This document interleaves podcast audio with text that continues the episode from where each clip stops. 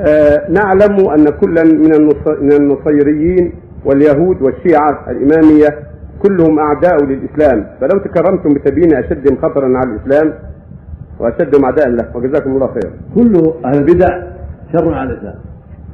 النصيرية معلوم أنهم باطنية كفره معروفون وهم باطنية من الرافضة الباطنية والإمامية رافضة باطنية يعبدون أهل البيت ويعتقدون فيهم أنهم يعلمون الغيب. الشيعة الإمامية هم الرافضة. والرافضة يسبون أبا بكر وعمر ويؤلفون عليا وأهل البيت. أئمة أهل البيت الاثنى عشر يؤلهونهم ويعبدونهم ويعتقدون فيهم أنهم معصومون ويقول إنهم يعلمون الغيب إلى غير هذا من الشرور العظيمة.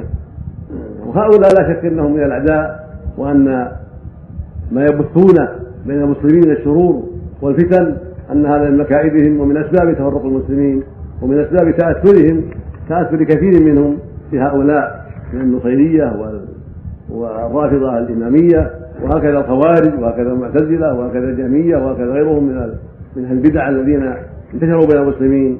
لكن الاولين سلفنا الصالح عرفوا مكائدهم وعرفوا ضلالهم فلم يلتفتوا إليهم بل قاتلوا من قاتلوا منهم ولم يلتفتوا إليهم وحاربوا أعداء الله وجاهدوا في سبيل الله ورفعوا رأية الإسلام ولم يبالوا باولئك الظالمين من من الشيعة ومن الخوارج وغيرهم.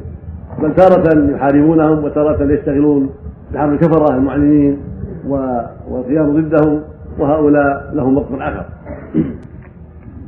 آه هل الحجر الذي في القدس يتعلق في الفضاء و- ومعلوم أيضا من كلام السؤال الأول معلوم أن العدو الذي يتظاهر بال- بالإسلام أشد على المسلم من العدو المعلن المنافق الذي يعلن اسلامه وهو منافق وهو ضد المسلمين آه، من- باعماله ومكائد المسلمين أشد عليهم من الكفار المعلنين ولهذا صار المنافقون أشد ضلالا من الكفار المعلنين وصاروا في الذكاء من النار نعوذ بالله لماذا؟ لأنهم أظهروا الإسلام وكذبوا في الباطل وكادوا له في الباطل وهكذا كل من كان يشبههم من النصيرية ومن الرافضة ومن غير ذلك هم بهذه المثابة خطرهم على المسلمين أشد لأنهم تظاهروا بالإسلام وادعوا الإسلام ولكنهم في الباطن يحاربون الإسلام ويدعون إلى غيره ويدعون إلى عقائد ونحل غير ما جاء به الإسلام نسأل الله.